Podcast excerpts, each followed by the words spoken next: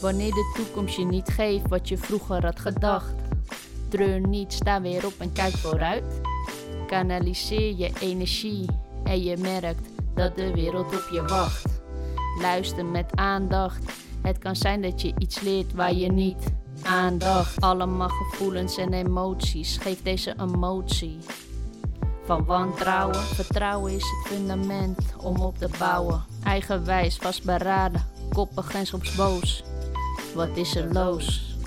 Het leven geeft je kansen, maar dit is niet waarvoor ik koos. De stories die je hier zal horen, gaan je inspireren. Deze gasten hebben geen visus nodig om jou iets te leren. Door tasten, door te tasten waar je passie ligt. Positiviteit is waar ik mij op richt. Dus pak wat lekkers en ga ervoor zitten. Want de Blind Vertrouwen podcast gaat nu beginnen. Welkom bij een nieuwe aflevering van Blind Vertrouwen Podcast. In deze podcast ga ik, Robert Charou, in gesprek met eh, mensen met een visuele beperking die zichzelf in het licht hebben weten te zetten, maar ook met mensen die eh, heel veel te maken hebben met vertrouwen. En vandaag heb ik wel een hele leuke gast. Ik heb wel de hele week uit zitten kijken naar deze ontmoeting, want dit wordt een gesprek tussen twee hip-hop gekkies. Ehm, nou ja, zoals ik al heb verraden, hij rapt, eh, hij, hij is producer. Ehm, nou, ik, ik ga er niet omheen, eh, niet omheen draaien. Ehm, hij heet eh, Martijn Rijzenbrei, maar beter bekend als Rijst erbij. Welkom Martijn. Ja, goedemiddag. Dankjewel. Mooie introductie. Ja, leuk dat je er bent man. Ja, ja, ik vond het super tof om, eh, dat je mij gevraagd hebt. Ja, Ja. tof. En ik vond het echt ook leuk ja, dat, je, dat je tijd hebt kunnen vrijmaken. Je hebt toch nog wel een redelijk druk bestaan. En ja, dus ik, ik kijk er naar uit, want ja, ik, we kwamen er ook echt achter dat ik ja, uit een beetje dezelfde stijl muziek hielde. Oké. Ik ben ook wel een beetje hip-hop gekkie eh, van de mid jaren negentig. Ja, klopt. En ja, ik, ik hoor die stijl ook terug. Oké. Ja, ik, ik probeer dat als inspiratie te gebruiken inderdaad. Ja, ik hoor een 90. beetje Ja, wel een, ja, de New York sound klopt. terug Ja, in jouw muziek. klopt. Maar daar gaan we straks verder op in. Top. Maar, eh, vaak stel ik eh, twee vragen, dat zijn vast en daarna barst het geweld los. Mooi man. Gaan Mijn eerste vraag is, eh nou Martijn, eh stel je eens voor en wil je wat vertellen over je oogaandoening?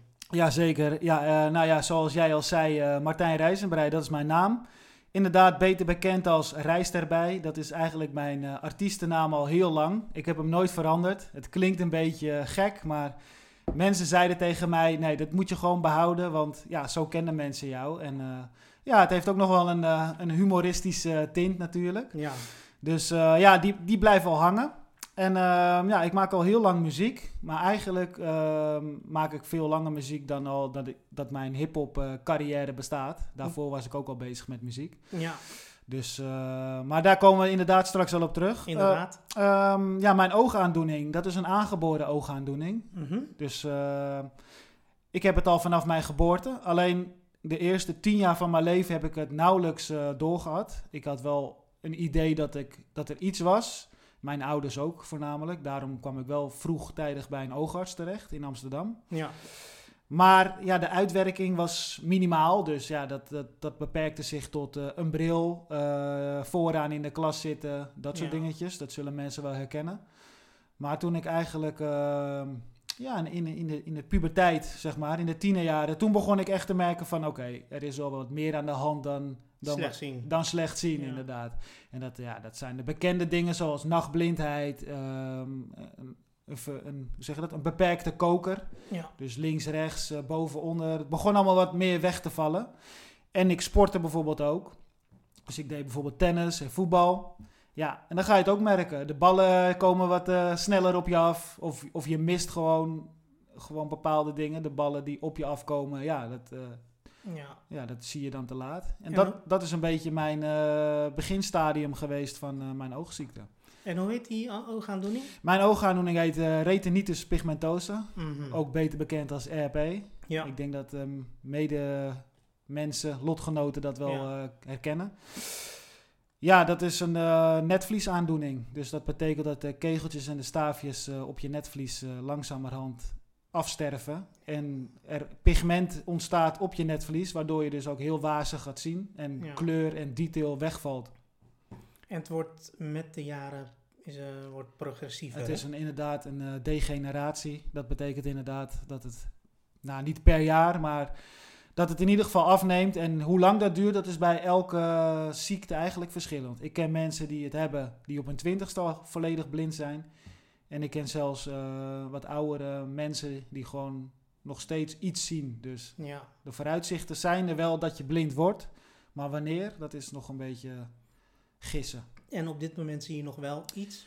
Ja, gelukkig wel. Ja, het is niet veel, maar voor een slechtziende, ja, of iemand die helemaal niks meer ziet, ja, je koestert wat je ziet. Uh, uitermate. Ik ben jaloers op je. Ja, dat, precies dat. Dus eh, ja, 5% zicht is voor jou... eh, 5% heel veel. Ja, precies. Dus eh, de uitdrukking één oog is koning, Ja. dat is, eh, ja, eh, da daar kan je het wel een beetje mee vergelijken. Het is niet veel, maar voor mij doen is het genoeg om nog eh, bepaalde dingen te doen. Zoals ook een beetje mijn hobby, want die is ook redelijk visueel ingesteld. Ja. muziek. Je kan het heel goed doen hoor, zonder, eh, zonder visie. Want ja, muziek is natuurlijk geluid en geluid is oor. Ja. Alleen het is in deze tijd toch wel handig als je net even bepaalde dingen wel ziet. Om het, ja, om, dat- om, om het dan zelf te doen, zeg maar. Kijk, met hulp kom je ook heel ver. Want dat vind ik heel prettig als ik hulp heb. Maar ja, Ja. dat. Joh, en Ja. ehm, nou, je bent niet ehm, meteen begonnen met hip-hop maken. Klopt. Er is een best wel een traject vooraf gegaan, zoals sport. En nou ja, eh, je vertelde ook eh, in het voorgesprek dat je DJ bent geweest. Klopt. Eh, kan je ons meenemen in dat verhaal? Nou ja, inderdaad, sport. Ja, als ik naar sport kijk, is het eigenlijk... dat heb ik echt van kinds af aan gedaan. Dus ik was zes jaar, zeven jaar. En dan op, gelijk op voetbal en op tennis. En gelijk, ja, dat komt door mijn, eh, door mijn ouders ook. Door het gezin. Ieder- Mhm. Iedereen was bezig met sport. Ik vond het ook echt superleuk hoor. Dit is niet dat ik werd gepusht om... eh, hup, jij wordt eh, de nieuwe Wesley Sneijder of zo. Maar nee. het was meer gewoon van, ja, sport is leuk en gezond. En nou, dat vond ik ook. En dat heb ik heel lang gedaan. Maar muziek kwam ook al vrij rap in mijn leven. Ik denk dat ik een jaar of acht, negen was. Mhm. En toen mijn broer, die was vijf jaar ouder dan ik. En die kocht heel veel cd's in die tijd. En eh, ja, dat vond ik heel interessant. Ja. En eh, dat ben ik ook gaan doen. Dus daar begon het mee. Gewoon cd's kopen, luisteren. En eh, ja, en zo ben ik een beetje de muziek ingerold. En toen is ook het DJ-gebeuren ontstaan. Ja. Van ja, het is ook wel superleuk om de muziek die ik leuk vind over te brengen aan publiek. Ja. Ja, en toen is het een beetje gaan rollen van, ehm, ja, hoe ga ik dat doen? Nou, dat begint met twee cd-spelers kopen. En er moet dan een mengpaneel tussen. En er moeten discolampen bij. En zo eh, begon mijn eh, kleine kamertje zich eh, om te turnen in een kleine discotheek. ja, de kleine challenge. Ja, ja, ja, precies. Dat vonden mijn ouders heel leuk. Die dachten van, ga maar lekker sporten. Daar hebben we geen last van je. Maar nee. nee, ze vonden het hartstikke leuk. Maar ja, het is natuurlijk wel een hoop herrie. En ja, dat wel. Maar ze zagen wel dat het echt mijn passie was. Gewoon muziek, Ja. muziek luisteren, maar het ook mensen mee vermaken. Ja, en eh, dat deed je dus naast het sporten, want je voetbalde en tennisde. Ja, klopt. En Ja, daarnaast eh, begon Ja. je met DJ'en. ja klopt. Ja, de sport eh, tennis heb ik zeker nog op een redelijk niveau gedaan ook. Dus Mhm. ik tenniste echt eh, ja, vijf, zes dagen in de week. Zo. Waarvan twee keer in de week echt trainen, weet je wel, met een trainer gewoon. En de rest vrij tennissen en toernooitjes spelen. Dus ja, dat, eh, dat vond ik ook hartstikke leuk. Maar daar kwam ik toch ja, vrij rap achter dat het wel eh, met mijn ogen moeilijk ging. Ja. Dus ja, dat eh, zag mijn vader vooral. die zag dat ook. Als die langs de lijn stond van, ja, dat, ja, dat is niet leuk voor die jongen, weet je wel. Dat hij die ballen niet ziet aankomen. Nee. Dus ja, daarom is muziek eigenlijk een beetje mijn overgang geworden. Een grote rol is dat Ja, ja, dat is een beetje om, om die leegte te vullen, weet je wel. Niet om heel emotioneel te klinken, maar ja, toch op die leeftijd was ik er wel al mee bezig van, Ja. hey, eh, vervelend die ogen, weet je wel. Van, Ja. ja, ja ik, eh, ik kan niet meer doortennissen op een bepaald niveau. Dus dan, eh, ja. Maar ik was toen al bezig met het zoeken naar nieuwe dingen. Van, Ja. hey, wat kan ik dan eh, doen? Wat ik wel kan, weet je wel, waar we het over hadden. Van, net in ons gesprek toen we hier eh, lekker op de bank zaten. Ja. Dat, dat werd muziek. Daar was ik natuurlijk al mee bezig. Dus ja, daar ging ik daar mijn volle focus op leggen, zeg maar. Ja, Om, eh, om te kijken van, ehm, ja, kan ik daar veel tijd in stoppen? Ja. En, eh, Want had je tijdens dat tennis dan, dat deed je op nou, redelijk hoog niveau. Ja, zeker. Eh, frustreerde het soms niet dat, dat je nou ja, sommige ballen niet haalde omdat je dat net buiten de koker viel? Of had je dat toen je jonger was nog niet zo heel veel last van? Het was, ehm, dat, ik had er wel heel veel last van. Alleen ik kon het heel als een kind, ja, ik was 13, 14, ik kon het heel makkelijk plaatsen, weet je Ja. wel. Ik dacht gewoon van, ja, kom op, eh, weet je wel, als ik af en toe een bal niet zie, maar ik win toch die pot, weet je wel, ja. Het Ja. frustreerde me nog niet in ieder geval. Nee. Maar ik was er wel mee bezig. En op een gegeven moment, ik vergeet, ja, dat vergeet je ook niet meer, het moment dat ik aan het trainen was en dat de zon scheen. En ik had altijd wel al heel veel last van de zon. Dus ik had altijd een pet op of een Ja. En toen zag ik de ballen van de trainer gewoon allemaal niet meer aankomen aan die kant. Dus ik ging continu de verkeerde hoek in. Of... En toen heb ik echt besloten van, oké, hier moeten we wat mee. Ja. En toen hebben we besloten om een stapje terug te doen qua niveau. Ja, en toen begon de frustratie. Want wat ik al zei, ja, ik ben ook competitief ingesteld. Ja. Dus ik wilde gewoon doorgaan, beter worden, ontwikkelen. eh, grote prijzen binnenhalen, weet je wel. Ik, had, ik had mijn idolen eh, in die tijd, eh, Richard Krajcek. Zo zag ik mij, weet je wel. De Ja. nieuwe Richard Krajcek. Daar komt hij aan. Maar ja, en toen begon toch wel een beetje de frustratie. Maar ik heb toch heel snel besloten om het af te sluiten. En gewoon, ik heb nog een tijdje lang vrijwillig getennist. Hoe zeg je dat? Eh, op vrijblijvende manier. ja, een beetje op club. Ja, ja, gewoon lekker met vrienden nog eens een keer een Ja. balletje slaan en met mijn ouders. En toen is dat langzaam weggeëpt eigenlijk. Ja, Dus eh, ja, om- ook omdat de muziek kwam, is dat gelijk wel eh, een soort pleister op de wond geweest. ja, Dus het heeft me niet lang eh, bezig gehouden, zeg maar, op een negatieve manier. nee. Dus dat was wel positief, dat ik iets had van, hé, hey, we gaan gewoon verder en niet te lang erin blijven hangen, zeg maar. ja, klopt. Je hebt je het niet de overmacht laten nemen. Precies, Je bent daarna de, ja, aan de slag gegaan als DJ, klopt. maar niet als hip-hop DJ. Nee, nee, ik zat eigenlijk eerst eh, in een hele andere scene, zeg maar. Mhm. Dat kwam mede doordat ik eh, een vriend had die met draaitafels draaide, met vinyl. Oh, de Ja. SL1200 van Technic. Ja, wij hadden geen Technics. Slecht, hè? Ja, Zo. ja, het is heel slecht als echte DJ. Nee, wij, ehm, wij waren een beetje van, hé, hey, dat zijn wel dure draaitafels. Daar ben ik eerlijk in. In die tijd ze kostten 1200 gulden Ja. per stuk. Dus toen hebben we het merk Gemini, of Gemini. Dat is zeg maar net het merk wat eronder ligt. Het is echt vergelijkbaar qua draaien, qua motortje wat erin zit. Ja, Maar het is net iets beter betaalbaar, zeg Ja. maar. Dus eh, toen hebben we twee eh, van die gekocht. Dus waar je er van Technics één van kocht, kocht je er daar twee, twee van. van, ja. Dus uiteindelijk nog steeds een eh, dure hobby natuurlijk voor een eh, jonge tiener. Ja, En, eh, maar goed, ja, dat beviel me wel. En we hielden allebei een beetje van house muziek. Daar werden we Mhm. een beetje mee opgegroeid. En toen hebben we eigenlijk een beetje die stijl ontwikkeld. Het begon een beetje met house en trance en hard house. Dus ja, we kwamen eigenlijk van, van een drive-in DJ, zeg maar, op, op, Ja. op, op hockeyfeesten en schoolfeesten.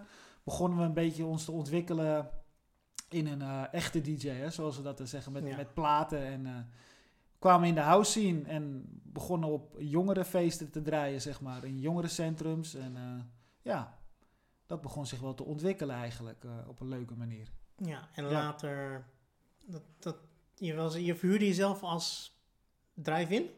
Ja, dat, daar begon het mee. Dat was eigenlijk nog voor de, voor de vinyl, zeg maar. Ja. Dus we hadden echt, echt, wat ik net zei, twee eh, cd-spelertjes, Ja. eh discolampjes. En eh, ja, echt voor een prikkie stonden we gewoon op elk feestje.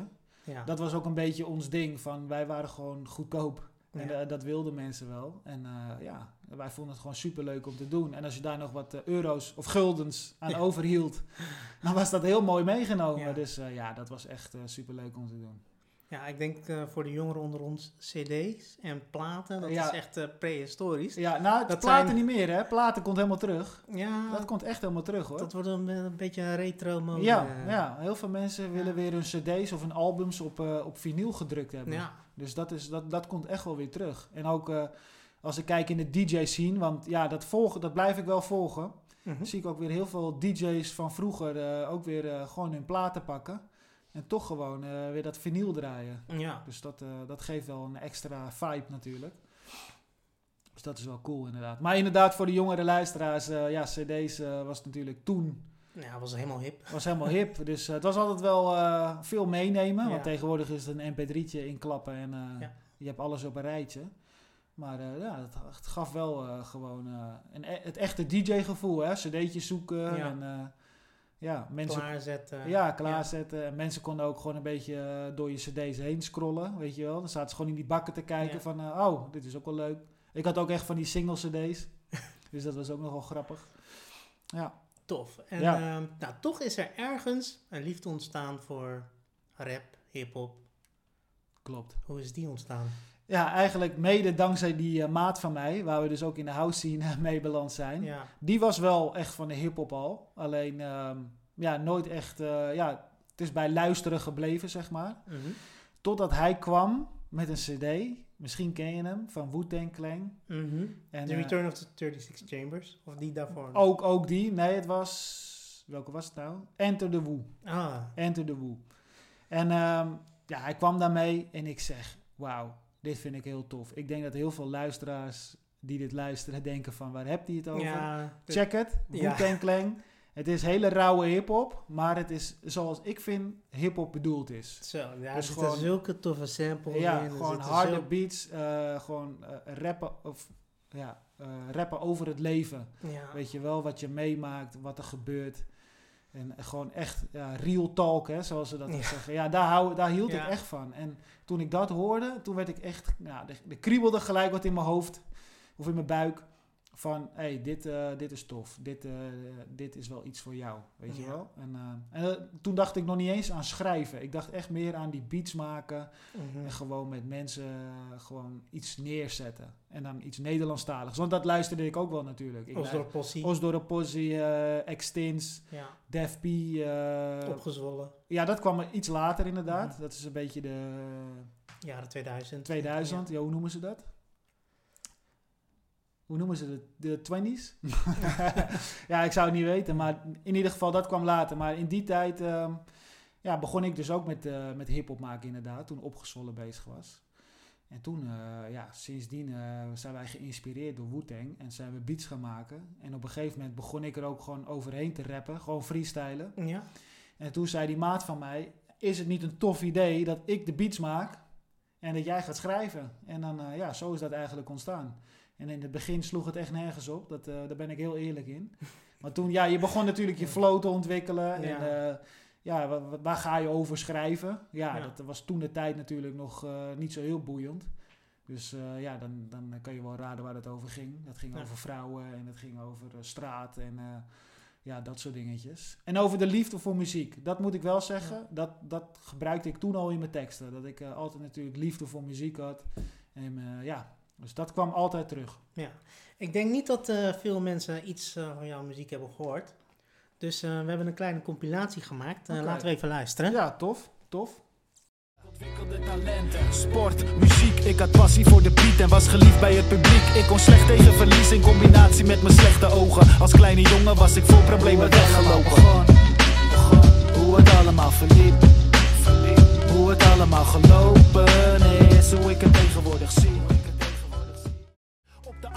De achterbank, jointje in de rechterhand. Eerlijk en oprecht, alles wel het eerste werk kwam recht uit het hart. Geen blad voor de mond, met het hart op de tong. Yo, we maakten er het beste van. Vanuit het wilde westen kwamen we met ille teksten. Stille toch, doe het zelf, kennis hadden we in te brengen. Alle remmen los wanneer we de mic in onze handen kregen. Dankjewel voor deze tijd, nu heb ik een ander leven. Als vanouds.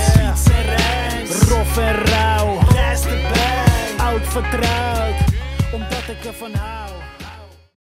Ik heb gesprekken met mijn maten, met mijn moeder, met mijn vader, met mijn kinderen die klagen met mijn vrouwtje over later en de rekening betalen. Dat is alles wat ze vragen, zie mezelf weer verdwalen, moet de richting weer bepalen om de goede keus te maken tot ik eindelijk kan zeggen en de conclusie kan trekken. Ben een supergoede vader. En ik hoop op een goede afloop van dit alles en ik droom elke nacht weer anders, ook al vind je het niet. Ik blijf sowieso wel strijden tot ik fucking en begraven ben, want dat is wie ik ben.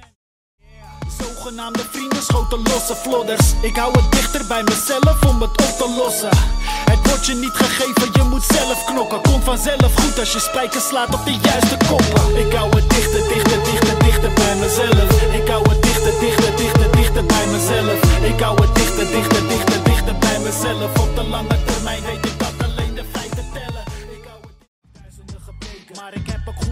eigenschappen. Leer mij beter kennen, want zo leer je ook om mij te snappen. Tijdelijke klachten, want het leven zit vol steile trappen. Volg het goede spoor door in de goede trein te stappen. Af en toe vertraging, maar ik klaag niet. Het geeft me net een beetje inspiratie. Autobiografisch, dat is de motivatie. Ga lekker op die boombap, maar hou van innovatie. Yeah. Stoffige shit,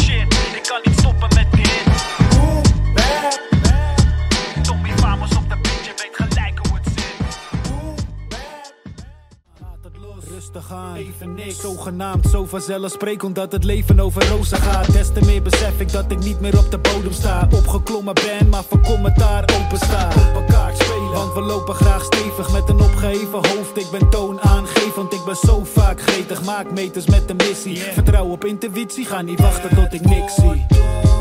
Alle lichten gaan uit, je ziet me lachen in de spotlight met de borst vooruit. Ga niet wachten op de dag dat het donker wordt. Tegen die gedachtegang zeg ik donder, door.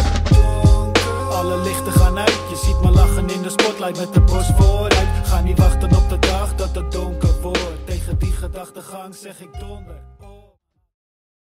Hoe vind je het om jezelf zo terug te horen? Ja, dat is altijd gek.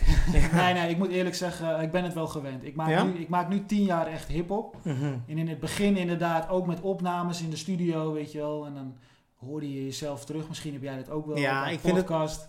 Ik Of- vind het, eh, ik vind, nou, ik doe comedy erbij. Ook dat En, eh, inderdaad. En dan luister ik het wel eens terug. En dan denk ik, ik kan dit niet langer luisteren. Nee, heb je- vind je het zo erg? Ja, ik vind het echt... nou, dat heb ik nou weer niet. ik heb niet dat ik denk van, nou, dit kan ik niet langer luisteren. Ik ben wel gewend aan mijn stem, aan mijn flow. Maar ik heb wel inderdaad soms van, hey, eh, kom op reis. eh, Ja. dat had wel iets beter gekund. Of, of daar klink je wel erg verkouden, weet je wel. Ja.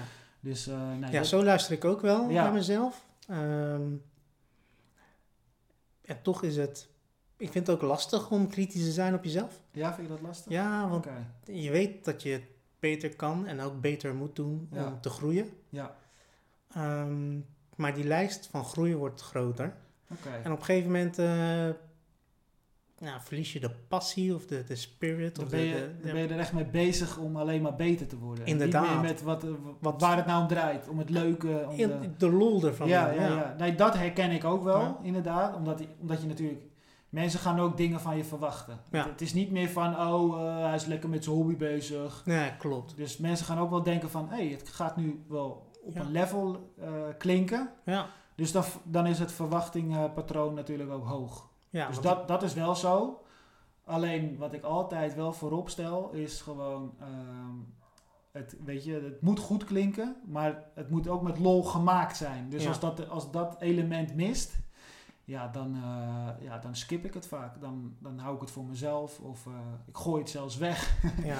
Dus eh, ja, dus dat, die combinatie moet er wel blijven. ja, ik heb wel als, ik bij, als ik keynote speeches geef, dus ehm, als je in het zakelijke sprekerscircuit, als mensen dan lachen, dan is het een cadeautje. Ja, Maar in de comedyclub is, Ja. ja, het doel is lachen. precies. Dus dan, ja, dan is de lat al hoog. Mhm. En dan, dan ben ik veel, veel, veel kritischer dan, dan als, als ik aan het spreken ben. Want dan, ja, is het, dat klinkt, dan is het ook een stuk spontaner en iets ontstaat. Ja, Maar in de comedyclub, mensen komen om te om lachen. ja, En- ja, ja.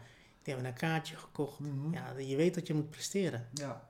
ja, maar mensen komen ook om een verhaal te horen. Ja. Dat moet je ook altijd in je achterhoofd houden. Het is niet alleen het lachen. Het is ook, eh, mensen vinden het ook fijn als het een verhaal is. Ja, Gewoon ehm, om te horen van, hé, hey, wie is die persoon en wat doet die?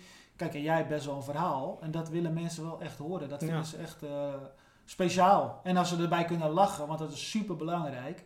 Ja, dat zou de beste combinatie zijn Ja. inderdaad. En dan snap ik inderdaad dat je kritisch bent op jezelf. Van, hé, hey, ze moeten veel meer lachen. ja, Maar ik denk dat heel veel mensen achteraf zeggen van... Hé, hey, en, die, en die gast heeft gewoon een mooi verhaal. En we hebben gelachen. Nou, dat was echt de perfecte combinatie van deze Ja. avond. Dat denk ik echt. Maar dat ben ik, dus dat is één mening. Maar eh, ik snap je wel. Ik snap je ja wel. ik ben, eh, dat Ja. vind ik toch nog wel... eh, Snap ik. Snap ik. Daar blijf ik, ja, dat is een ongoing process. Hè? Ja, Het- ja, ja, ja. Het is een soort van, ja, een, een diamantje wat je moet blijven polijsten. Dat denk ik ook. Ik denk dat elke grote artiest dat nog steeds heeft. Ja. Dat denk ik echt. Hé, maar jij staat dus ook echt eh, op het podium. Ja, nee, nu niet. Dan, Ja, klopt. Helaas. Voor, voor de coronacrisis stond je op het podium. corona. Ja, ja, klopt. Ehm, beweeg je vrij uit op het podium? Of, eh, want eh, eh, word je niet tegengehouden door je visuele beperking?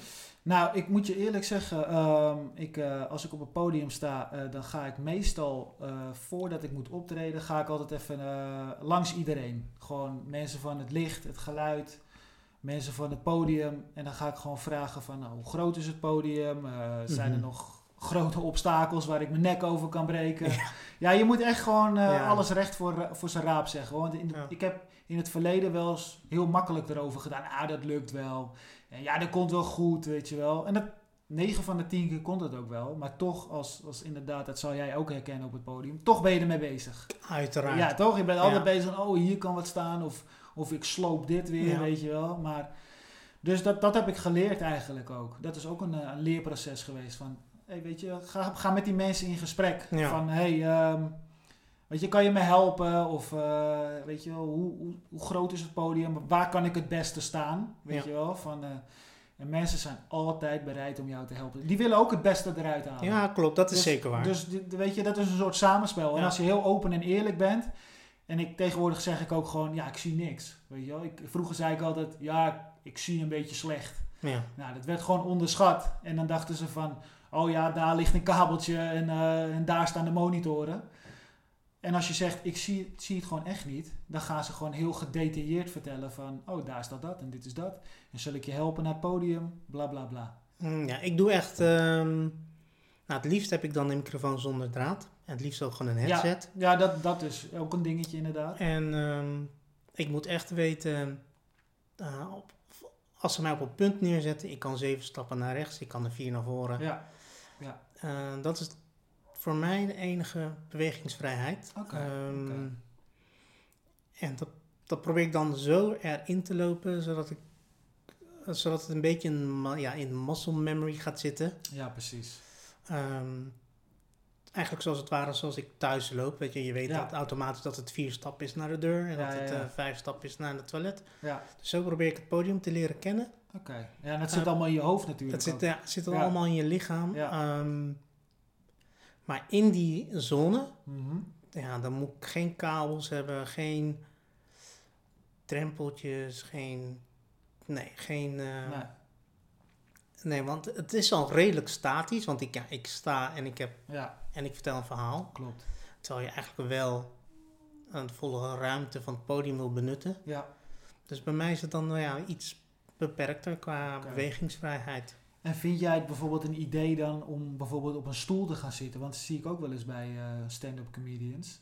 Dat ze dan een Eh, stoel pakken of... eh, een barkruk of zo. ja, Ja, of, of, dat... weet je wel, van, om het eh, gewoon eens af te wisselen. Om te proberen van, hé, hey, werkt dat? Ja, ik heb wel een keer geprobeerd met een barkruk. Ja, En dan, dan gebruik ik mijn barkruk als middelpunt. ja.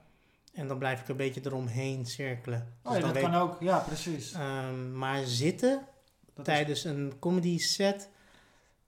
ehm, nee, nooit geprobeerd. En dat- Oké, als ik dan me ga verplaatsen in het publiek... dan vind ik dat er heel statig, standbeelderig Ja. uitzien. Ja, ja. ja, zeker als het de, de hele, jouw hele performance lang zo is. Ja, Vaak gebruiken ze het wel, maar dan gaan ze inderdaad zich wel bewegen van, Klopt. van zitten naar staan. ja, En eh, sommigen bewegen zich dan nog naar een piano Ja. om even wat te spelen. Kijk, Ja. dan is het misschien wel interessant. Maar inderdaad, als je de hele tijd op die kruk blijft zitten, inderdaad, dan wordt het inderdaad weer wat statischer. Kijk, als het eh, zakelijk is, dan, eh, Dan wel. nou, dan, dan is er vaak een katheter. Oké, Eh, ehm, ja. dan ga ik ja, daar Gewoon achter staan. Inderdaad, soms Ja. sta ik erachter, maar dat vind ik dan ook weer ja, Ja, gesloten houding. gesloten. Ja, inderdaad. oké. En dan, is dat, Jij gaat sta er gewoon lekker voor staan. inderdaad, dus dan, dan hou ik hem tegen mijn rug aan. Ah ja, ja, dan heb je ook een soort mikpunt in. Klopt, ja. en oké. ik heb altijd wel een mikpunt Ja, nodig. Want ja, eh, ja. Nee, dat is ja. toch prima? Dat ik, is heb, eh, ik heb eigenlijk helemaal geen visus meer. Dus ja, dan is dat eigenlijk Ja. mijn eh, eikpunt. ja, nee, mijn is, baken, ja. Ja, dat is logisch. Ik, eh, ik herken dat wel. Ik heb natuurlijk ook wel wat mensen om me heen met een visuele beperking. Of die nou blind zijn of slechtziend. En dan zie ik inderdaad bij mensen die dan niks zien, dat ze continu bezig zijn met mikpuntjes, Ja, met tellen van passen. ja. Dus eh, ja, weet je, kijk, omdat mijn vooruitzicht natuurlijk ook is dat ik eh, ooit eens eh, dat ga krijgen, Mhm. heb ik zoiets van, nou, nu kan ik ervan leren toch, hoe hun dat doen. Ja, En dan kan ik dat, ja, kan ik dat alvast een beetje in mijn achterhoofd prenten. Het zit er nog steeds ver weggestopt, maar het zit er wel al, weet je wel, van, in de toekomst. Ja. Ik ben eh, wel benieuwd naar je eerste performance. Ehm, waar was dat en hoe was dat? Dan moeten we even terug in de tijd. Ja, man. Mijn eerste performance, dat heeft Ja. mij nog nooit iemand gevraagd. Nee? Goeie vraag. Eerste performance, joh. Zo, dat Was het op om een braderie? Of was dat... eh, Nee, het was, het was in een jongerencentrum. Ah, Het oké. schiet me nu in één keer te binnen, want ik heb voorheen... Ik begon eigenlijk met hip-hop met twee vrienden van mij. Dus Ja. die maat van mij die de beats maakte. En er kwam dan nog een maat van mij bij die ook begon te rappen. Dus wij hadden met z'n drie hadden we een, een crew. En dat heette SVS, Stap voor Stap. Dus Mhm. dat, eh, ja, dat vonden wij wel een toepasselijke naam. Ook omdat we bezig waren met iets neer te zetten. Ja. En toen hadden we een cd'tje gemaakt. Eigenlijk hadden we daarvoor geen performance voor het publiek gedaan. Zeg Nee? Maar. Dus nee, nee, we hadden altijd gewoon gedacht van we willen eerst gewoon echt tracks hebben, weet je wel. Ja. Dat we iets hebben om ook over te brengen. Dan lukraak ergens een nummertje te doen en nou dit is het, weet je wel. Dus dat weet ik nog. We hebben heel veel geoefend in oefenruimtes en voor mensen. Maar mijn eerste echte optreden was dus in een jongerencentrum in Meidrecht. waar ik geboren en getogen ben. Ja. En dat was dus eh, ter promotie van die EP, zoals je dat noemt. En toen hebben we gewoon eh, die hele EP eh, geperformed. Ja. En dat was in 2009.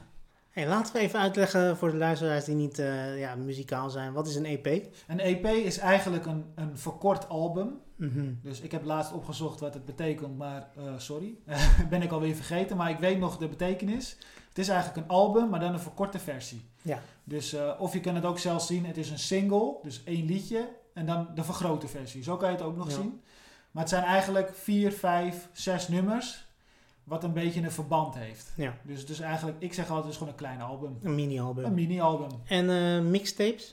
Mixtapes, ja, dat is eigenlijk zeg maar, ehm, meestal in de hip-hopwereld is dat, ehm, dat zijn beats die al bestaan. Mhm. Dus gejatte beats. hè, Bootleg. ja.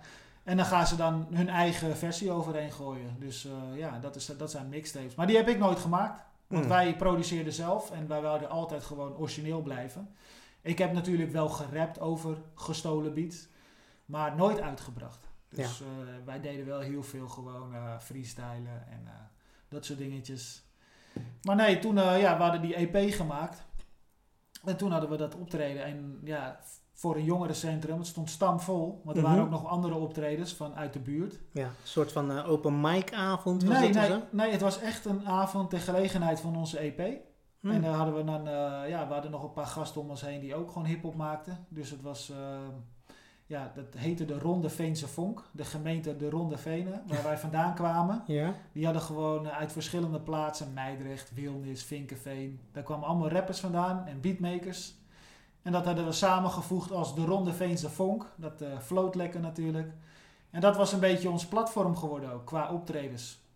En ja, zo ontstond eigenlijk een beetje, eh, een beetje die hip-hop cultuur Ja. daar ook. Dus dat, eh, ja, dat ging lekker. Dat ging echt lekker. En ehm, ja, leuke avonden gehad. En dat was de eerste in 2009. En toen was de beer los. Eigenlijk wel, ja. Heel veel mensen waren super enthousiast.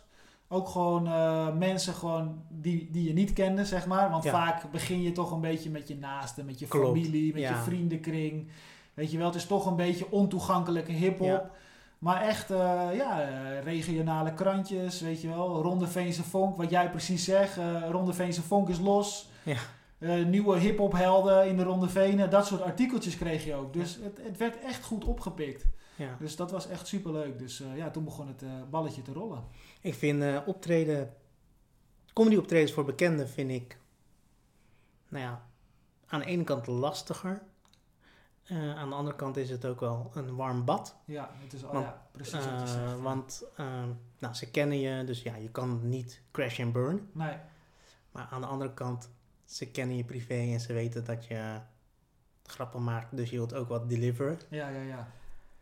Dus eh, aan de ene kant vind ik dat wel ook wel spannend. Ja. Ehm, dus ik vind, ehm, ja, vreemd publiek is pas echt een graadmeter. Dat is echt een graadmeter. Want dan Ja, weet je of iets werkt of iets gaat werken of, Klopt. eh, Klopt. of, de- of, of dat er nog aan geschaafd moet worden. Heb jij dat Klopt. ook? Ja, dat heb ik zeker. Ja, ik, eh, wij hebben heel veel optredens gehad ook waar alleen maar vrienden en kennissen stonden. Want in de hip-hop scene, misschien zou jij dat ook wel merken in de stand-up comedian wereld. Want ik heb wel eens gehoord dat dat ook best wel een lastige wereld is hoor, om Ja, daar ja, eh, door te wel. breken. Ja, Dus eh, dat, dan merk je inderdaad als je voor je vrienden en je naasten gaat optreden, ja, wat jij zegt, ehm, je kan niet falen eigenlijk. Ja. Het is een warm bad. Maar je mist inderdaad die, die eh, hoe zeg je dat, dat klankbord. Weet Ja. je wel, van ja, hoe goed ben je nou eigenlijk? En was het nou echt wel zo goed als men zegt? ja. Dus op een gegeven moment ja, gingen we ook een beetje in Amsterdam optreden. En we hadden wel eens wat andere dingetjes in, in ja, het werd wat landelijker, zeg maar. Mhm. En toen inderdaad begon je toch ook wel gewoon echt kritiek te krijgen van, eh, ja, het is, eh, weet je wel, het is te rauw en eh, weet je wel, je- ik had bijvoorbeeld het probleem dat ik begon te schreeuwen. Mhm. Weet je, dan begon ik rustig en dan begon ik te schreeuwen omdat ik mezelf bijvoorbeeld niet hoorde in de monitorspeakers. Mm. En eh, ja, en door dat soort tips ja, zijn mijn skills op het podium echt verbeterd. Ja. Dus ja, dat hoorde je niet van familie. Die zeggen gewoon van, hey, tof man, ik ben trots op je, weet je Ja. wel. Dan hoor je dit, Maar- ja, Ja, maar dan hoor je niet van, ja, je staat wel te schreeuwen. Ja, mijn vriendin, mijn vrouw nu, maar Ja. mijn vriendin destijds, die zei dat wel. Die zei altijd recht voor zijn raap, ja, je stond weer lekker te schreeuwen, weet je wel. Ja. Ja. dus dat was wel heel relaxed. Ik zeg ook altijd, ik heb het vaker in interviews gezegd, of eh, in eh, mensen die wat aan mij vragen. Dan zeg ik altijd, ja, mijn vrouw is mijn graadmeter. Ja, Die is altijd eerlijk. Dus daar, eh, daar hou ik van, als ze dat gewoon zegt van, ja, je stond te schreeuwen, of... eh, ja, je was, je, je was wel vaak je tekst kwijt, hè? weet je wel, dat soort dingetjes. Dus ja, dat is ook wel belangrijk. Dat de mensen om je heen wel eerlijk zijn. Ook. ja klopt. Want en niet ja, alleen dat warme bad, maar ook wel kunnen zeggen van... ja, rijst, dat was niet je beste optreden, Nee. weet je wel. Dus ja.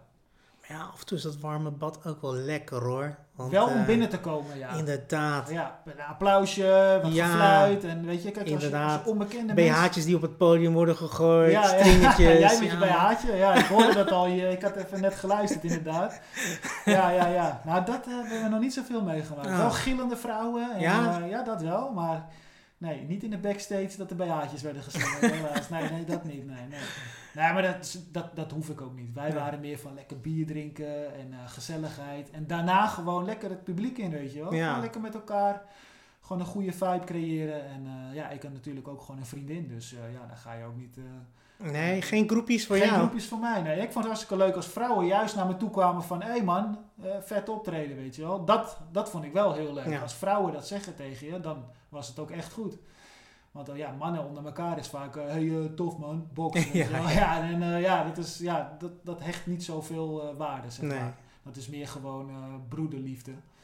Maar eh, ja, dus... eh, nee, dat was leuk. Ja, Goeie leuk tijd. man. Ja, goede tijd. Ik heb er veel van geleerd ook, zeg Ja. maar. Dus het was niet alleen maar leuk en eh, gekkigheid, maar ik heb er ook echt veel van geleerd van waar ik nu sta, zeg maar. Qua skills en qua ja, volwassenheid, hè. Want Ja. toen was het nog een beetje speels en een beetje, ja, ik wil niet zeggen het rock'n'roll leven van eh, de hip-hop, maar ja, je was wel aan het zoeken, weet je wel. Ik, ik, ik dronk bijvoorbeeld ook best wel veel bier voordat ik ging optreden. Mhm. Maar ja, dat ging niet eh, ten bevordering van je, van je Performance. performance. Dus Nee. ik, ik moest echt leren van, nou neem er nou één of twee, weet je wel. En dan optreden en daarna gewoon gezellig je ding doen. Is dat dan ook een schifting geworden van dat het echt een, eh, van een hobby naar een passie ging? Dat je er gewoon veel serieuzer Ja. mee bezig bent? Ja, nou het was eigenlijk altijd wel passie hoor. Want dat, Ja. dat straalde er wel vanaf. Maar het was inderdaad hobbymatig. Ja. Ik verdiende er eigenlijk helemaal niks mee. Ja, een optredentje kreeg je wel eens wat, weet je. Of gratis drank. Drankmuntjes, ja. gratis drankmuntjes.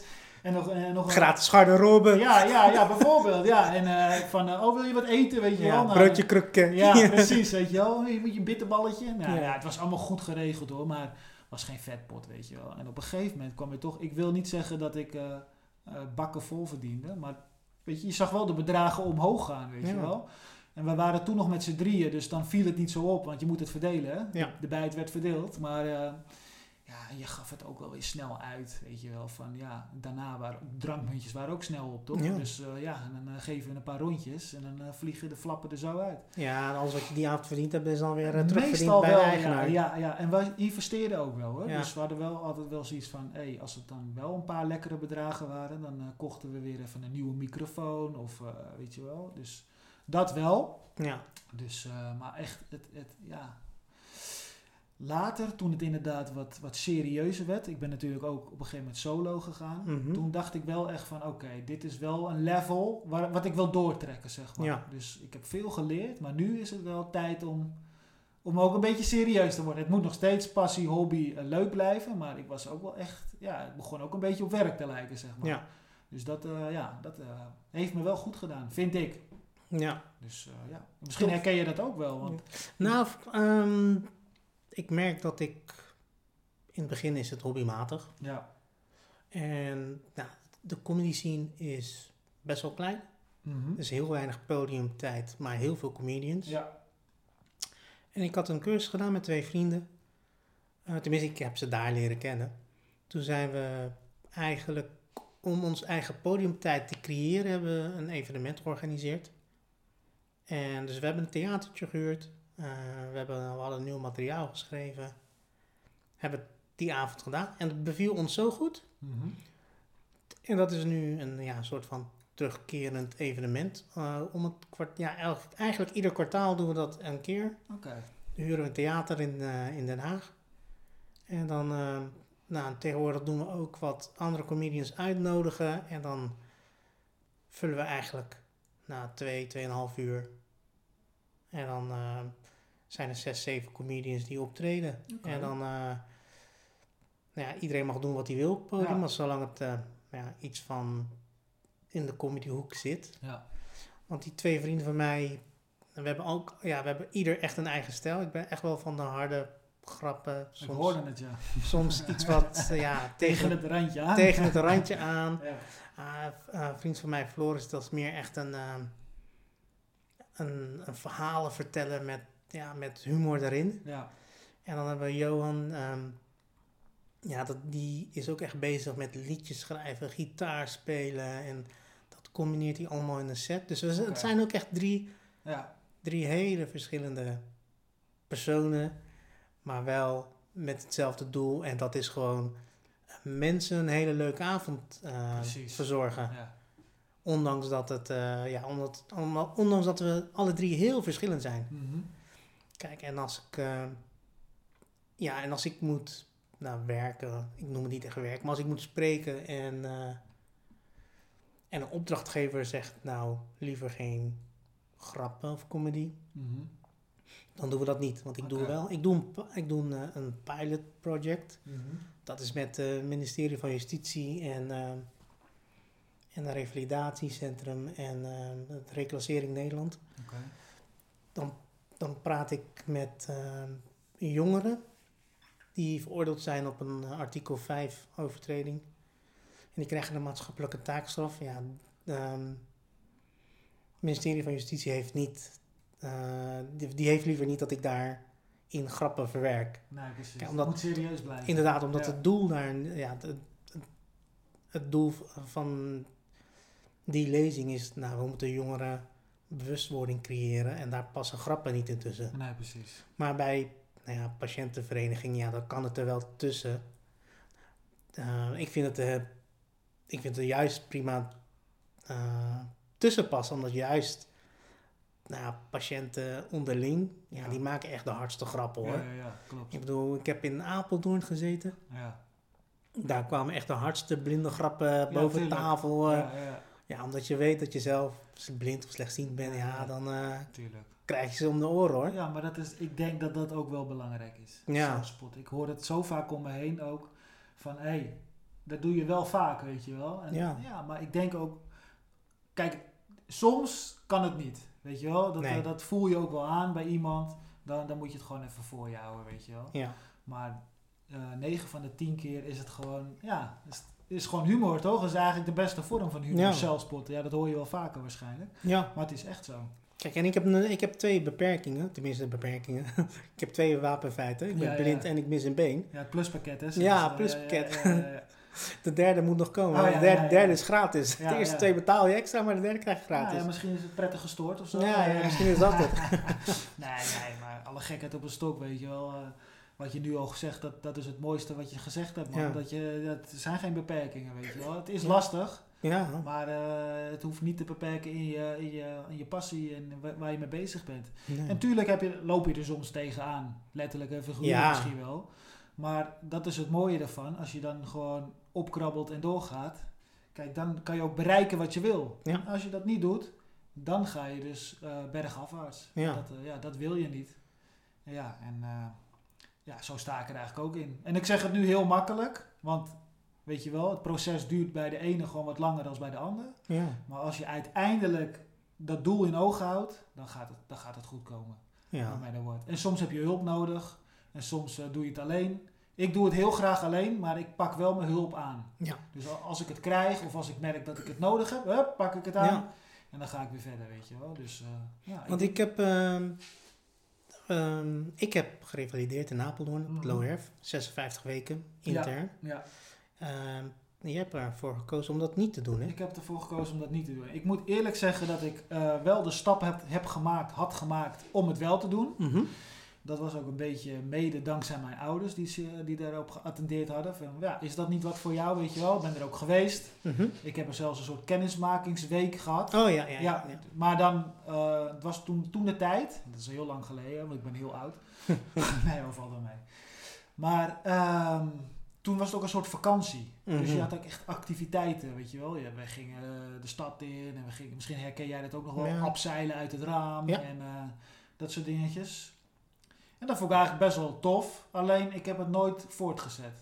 Dus ja, ik had zoiets van, ik was ook nog best wel in een, in een puberteitfase, weet je wel. Dus ik Mhm. dacht, nee joh, dat heb ik helemaal niet nodig, weet je wel. Ik red het zelf wel.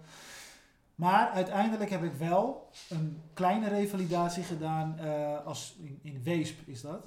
Mhm. Dat is via Visio. Die instelling kennen mensen misschien Ja. wel die dit luisteren. Dat is een instelling voor hulpmiddelen vaak of, of mobiliteit.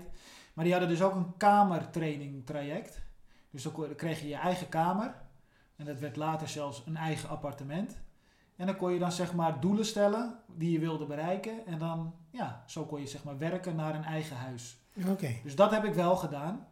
Dus dat heb ik in Weesp gedaan. Ik woon in Meidrecht. Dus uiteindelijk heb ik dat in Weesp wel gedaan. Maar teruggegaan naar mijn ouders eventjes. Want ik had geen eigen huis. En daarna ben ik die stap gaan maken naar een, eh, naar een eigen huis, zeg maar. Ja. Dus dat heb ik wel gedaan.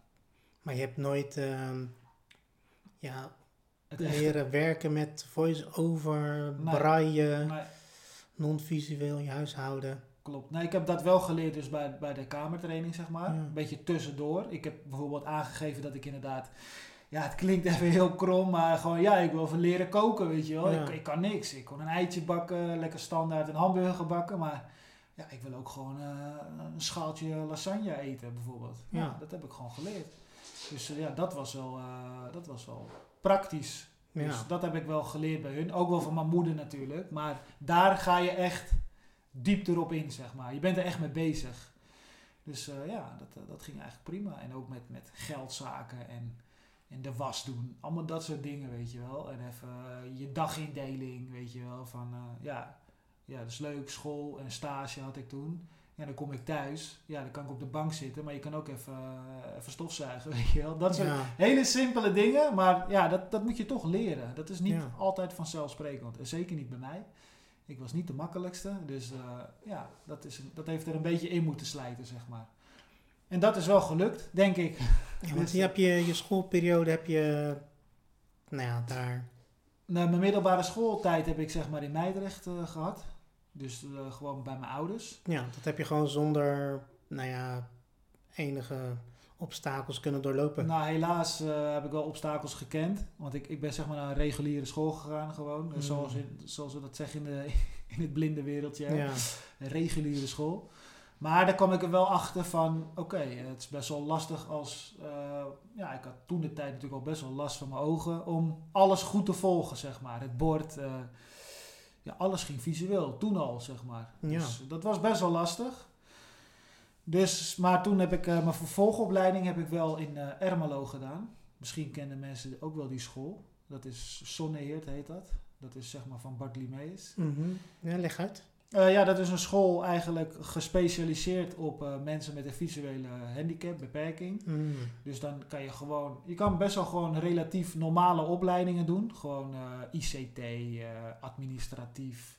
Maar je had ook dingen als eh, fietsenmaker en meubelstoffeerder. En toen had ik ervoor gekozen van, hé, hey, fietsenmaker. Ja, vind ik wel leuk. Lekker technisch, weet je Mhm. wel. Dat, eh, nou, dat heb ik dus gedaan. En dat, eh, ja, dat, dat was dus wel, eh, zeg maar, een eh, school waar ze dus rekening hielden met je, met je visuele beperking. En dat ging eigenlijk vrij goed. Dus dat was wel lekker. Eigenlijk was het een beetje te makkelijk, moet ik eerlijk zeggen. Oh. Het, ging, ja, het ging echt op rollen gewoon. Dus ja, dat was prima. Maar eigenlijk nooit wat mee gedaan. Omdat muziek eigenlijk wel gewoon de hoofdrol speelde. De overhand. Ja, ja, ik heb wel gewerkt hoor. Ik heb bij Halfords gewerkt. Oh, ik mag zeker geen reclame maken. misschien. Nou, ja, tink, tink, tink. Ja, even knip, knip. Ja. nou ja, eh, ik heb gewoon bij bedrijven gewerkt, weet je wel. Gewoon, eh, gewoon ik heb het geprobeerd, maar eh, ja, het was gewoon ook niet mijn ding. En ja, best wel visueel ook natuurlijk. Ja. Dus het was ook best wel lastig. Dus ja, uiteindelijk is dat het niet geworden. Maar ik heb het wel echt eh, jarenlang geprobeerd, zeg maar. Dus, eh, en het was ook wel leuk hoor. Gewoon een beetje... Nou, ik vind het knap, ondanks dat je weet dat je een visuele beperking hebt, gewoon toch wel die lat hoog blijven le- leggen. ja. Ik, ik zie wel een structuur. Ik zie wel een patroon. Ja, het is, het is inderdaad een beetje een patroon. Gewoon steeds proberen om nieuwe dingen. Ook wel weer die tegenslag te kennen, weet Ja. je wel. Gewoon die deksel op je neus. Want dat, die heb ik ook wel gehad hoor. Gewoon dat gewoon echt de baas zegt van ja, sorry, we gaan niet met jou verder. Want ik, ik vind de toekomst eh, onstabiel, weet je Ja. wel. Van ja, sorry. Dus eh, dat eh, heb ik ook vaak te horen gekregen. Mhm. Maar wel gewoon weer een nieuwe weg proberen in te slaan, zeg maar. Dus waar, ja, heel cliché, waar deuren dicht gingen, gingen de andere weer open. Maar dat was bij mij wel eh, vaak het geval, inderdaad. Ja. Dus, eh, maar ja. Dat is de weg die eh, gelegd wordt, hè, voor je voeten. Dus ja, die ga je volgen. Ja, die is niet altijd geplaveid. Zeker niet. Nee, nee, nee. Ik moest geregeld even een bulldozer erheen, overheen hengsten. Want ja, er zaten heel, heel wat obstakels in. Maar ja, dat hoort er toch ook bij. Dat, dat, dat hoort bij ieder, ieder mens. Ja, of je nou slechte ogen hebt. Of dat je één been hebt. Hè, of, eh, of dat je niet kan horen. Ja. Of dat je... Ja, het, het, overal hoort dat bij, weet je wel. Dus weet je, het- ja, dat hoort gewoon eh, bij je levensweg. Ja, een vriend van mij die vertelde vroeger ooit eens... ehm, je moet die citroen proeven, wil je honing waarderen. Kijk, dat is ook een mooie, Ja. ah, mooie tegeltjes Ja, ja, inderdaad. Hè, die Ja. gooi ik er even in. Die mag je Ja. gebruiken in je tekst. oh ja, dat zou ik doen. ja, Ja, ja. de, de titel van die track weet ik ook al. Zure nasmaak. nou ja. Nou ja, dat, eh, ja, maar dat zijn mooie... eh, kijk, het zijn cliché uitspraken. Ja. Maar dat zijn wel altijd... Die, die moet je altijd in je hoofd hebben. ja. Weet je wel, dat zijn wel de... Eventjes, hup. Dan sta je weer even met beide beentjes op de grond. Oh ja, dat, eh, ja, dat vind ik mooi, man. ja. Dus, eh, ja. Hey, back to the music, man. ja, Ik ja, een- inderdaad. heb- We dwalen af. ja, ik heb een aantal vragen opgeschreven. Die ga ik even opzoeken. Ja.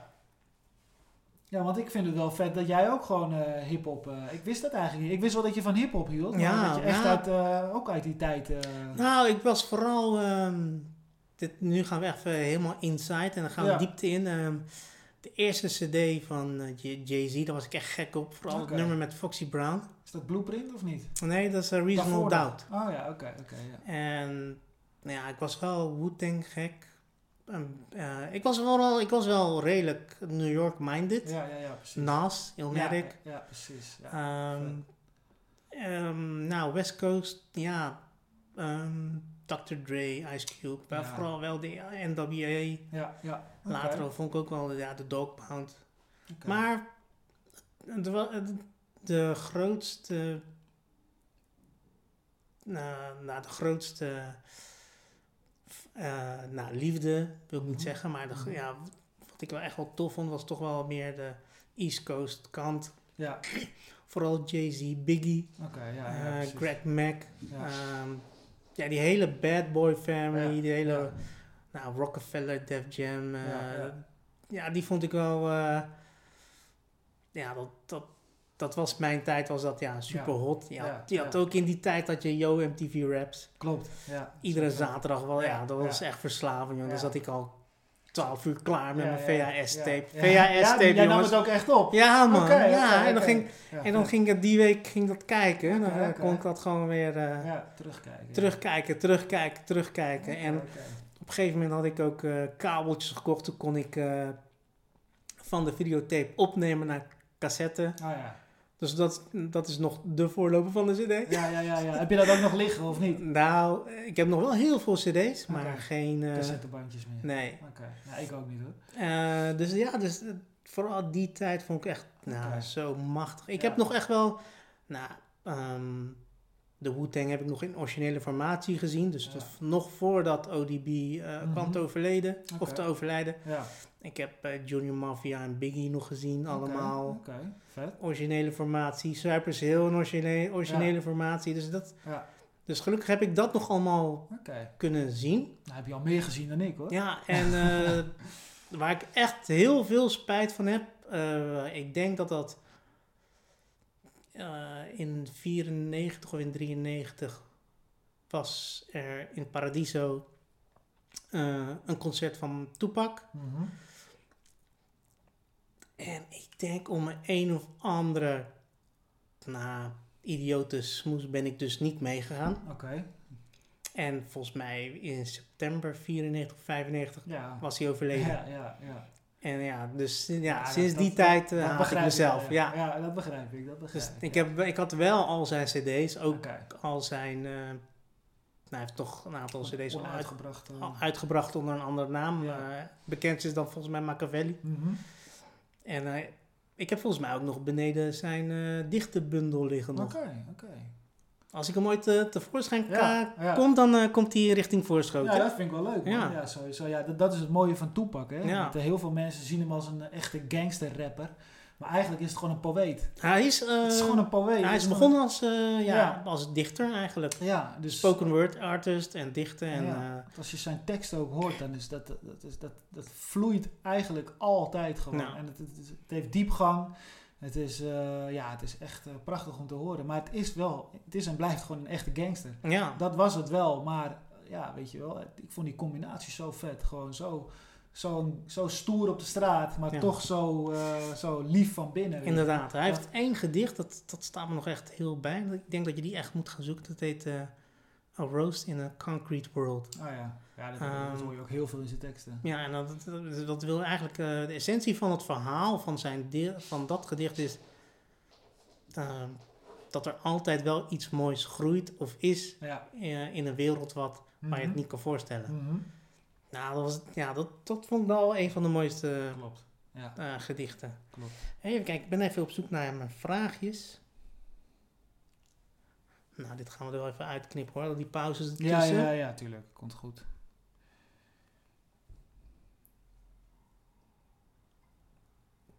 Kan ik even mijn glas neerzetten? Ja.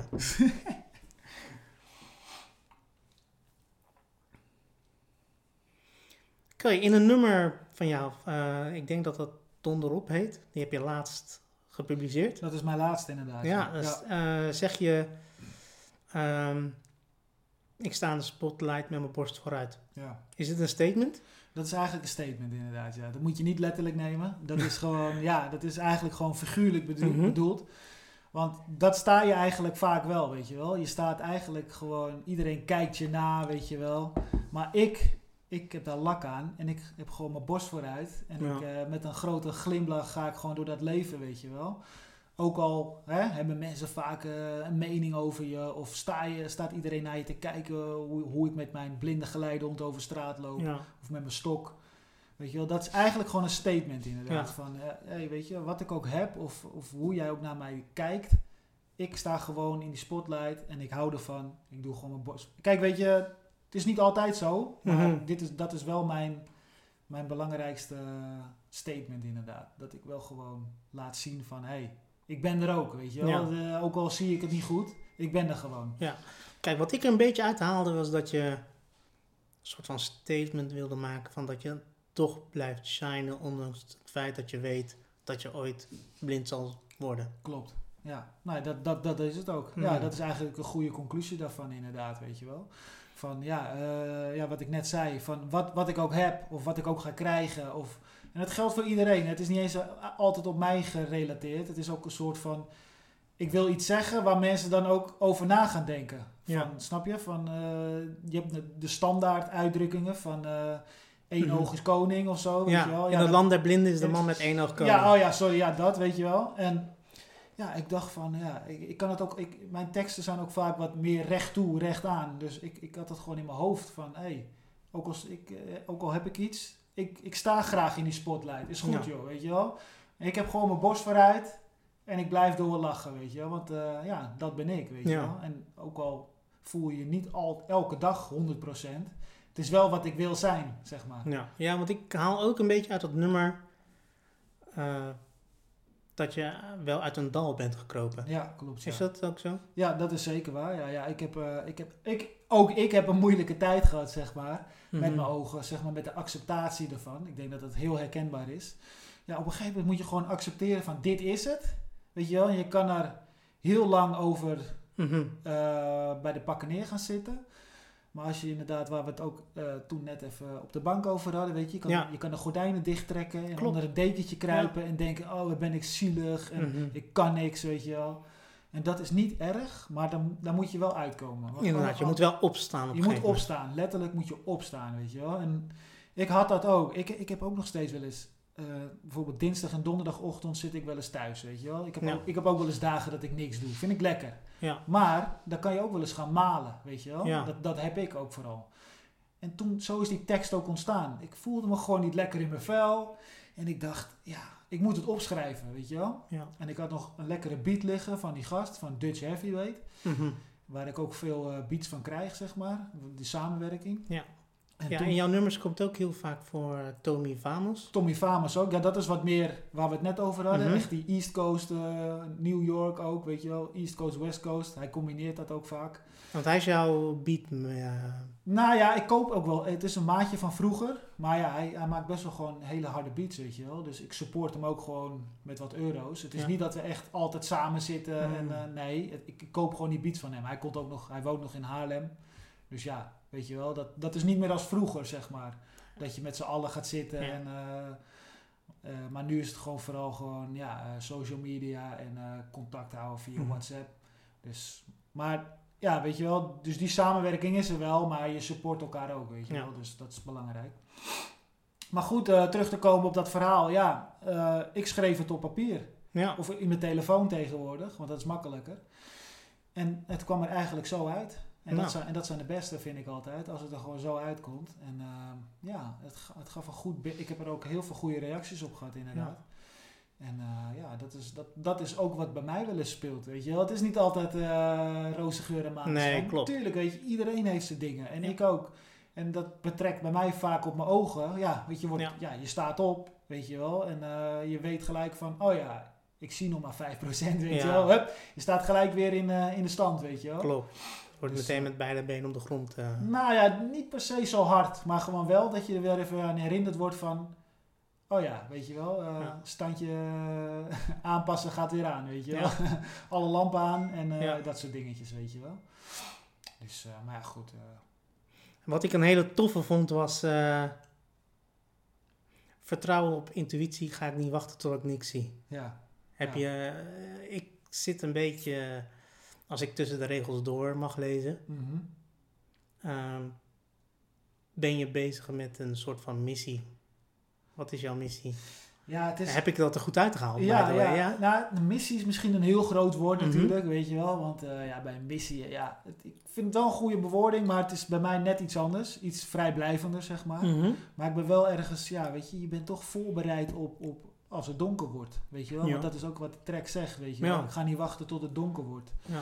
Maar dat is inderdaad een soort missie, zo kan je dat zien inderdaad van, ja, ik wil er nu nog alles uithalen, weet je wel. Ik wil, ik wil dat, dat minimale zicht, ja, in jouw geval is het misschien anders, Ja. natuurlijk. Maar omdat het bij mij natuurlijk eh, steeds wat meer achteruit gaat, ben je bezig van datgene wat je kan zien en wat je daarmee kan doen, dat je dat koestert en dat, je dat, dat je daarvan blijft genieten. En dat Ja. is inderdaad een soort missie. Ja. Van, weet je, nu kan ik dit nog, dus vol gas, weet je wel. En ik ga niet wachten op de dag dat het donker wordt en dan achteraf denk van, ja, shit man, ik had dat nog kunnen doen en Ja. dat en dat.